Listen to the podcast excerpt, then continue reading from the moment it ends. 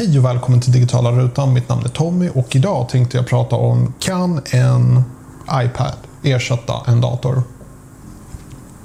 Mycket nöje.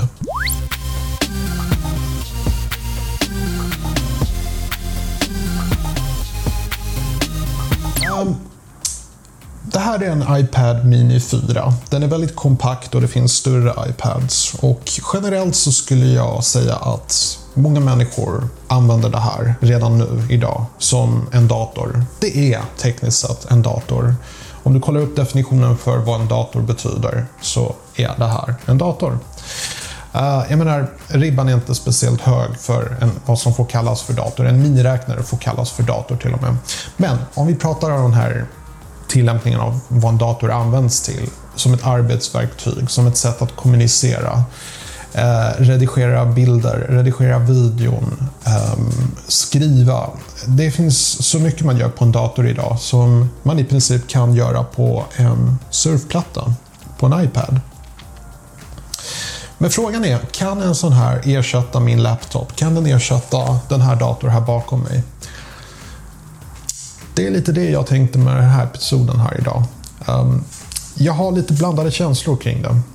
Eh, det finns människor som Gary Vee, en känd digital entreprenör, som i princip har slutat använda dator, använder sin telefon som en dator. Han använder det för att ersätta hans iPad och dator och alltihopa. Eh, jag är inte riktigt där än. Men iPad, det känns som att det vore det här mellantinget. Um, kollar vi prestandamässigt så kan jag säga att jag har redigerat 4K-videon på den här. Eh, och det har gått förvånansvärt snabbt.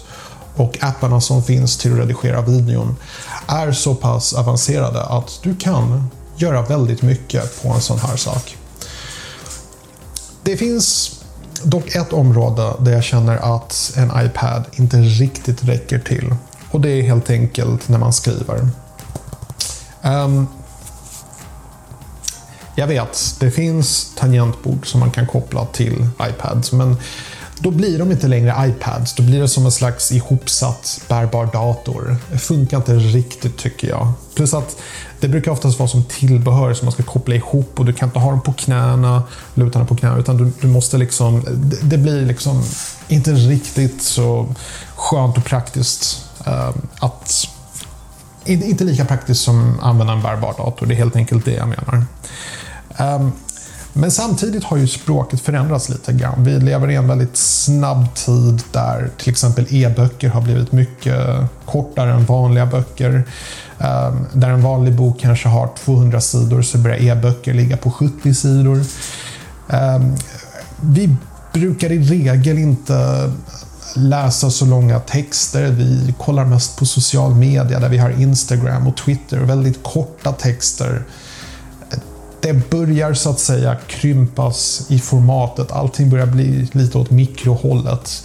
Vi vill ha snabb information. Vi vill ha korta svar på inte långa svar. Och det är väl lite där det vi är och på det sättet så kan jag förstå nu att nu kan definitivt en iPad komma åt det.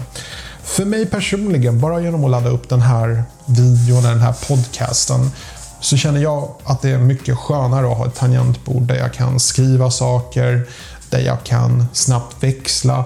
Det kanske är något slags gammalt tänk hos mig, kanske någonting som gör att jag inte riktigt har kunnat anpassa mig till den här nya tekniken. Eh, och det kanske är så att det, det är mig det är fel på, inte tekniken. Inte helt omöjligt. Ehm, jag skulle jättegärna vilja veta vad du tycker, så kommentera gärna där nere så kan vi ha en diskussion. Eh, jag bara känner att eh, det är väldigt mycket man kan göra med en iPad. Och det är, just, det är som sagt det är just det här tangentbordet som jag inte riktigt kan släppa när det gäller min laptop. Jag har ju en Macbook. Här kan jag visa den. Och jag använder den dagligen till att skriva saker, till att söka saker. Um, och, och, det finns liksom en del av mig som känner att jag skulle kunna släppa den helt och hållet och bara köra en iPad och en telefon. Men jag är helt enkelt inte där än. Um, kommer det här förändras? Det tror jag. jag tror att jag kommer se tangentbordet som överflödigt och att offra upp tangentbordet för att vara mer mobil eh, kommer vara värt det. Men vi får se. Allting har ju att göra med vad det finns för eh, digitala framsteg. Eh, till exempel röststyrning är väldigt stort just nu och det är väldigt många människor som i princip kan skriva böcker genom att använda sin röst. Så tangentbordet börjar på sätt och vis försvinna och det skulle man kunna se bara på de enkla meddelanden som vi skickar fram och tillbaka med varandra, som poop-emojis, men till och med de här små bilderna som jag har här uppe på skärmen. Det är liksom ett nytt sätt att kommunicera. En bild säger mer än tusen ord och så vidare. Och, um, det är intressant. Det är mycket intressant. Jag, um, jag försöker inte riktigt se det i svart och vitt som att nu är det dags för tangentbord och nu är det inte dags för tangentbord. Jag ser det mer som att just nu använder jag tangentbord. Men jag hoppas och jag ser med stor entusiasm på hur det hela utvecklas. Och jag har ett väldigt öppet sinne. Jag tror att som sagt nästa år skulle inte alls förvåna mig om jag lyckas göra mig av med min laptop och köra enbart med surfplattan. Eller till och med bara en telefon. Eh, det här var liksom allt jag hade att säga för idag. Eh, hoppas ni tyckte om den här episoden och jag passar på att önska dig en trevlig fortsatt dag.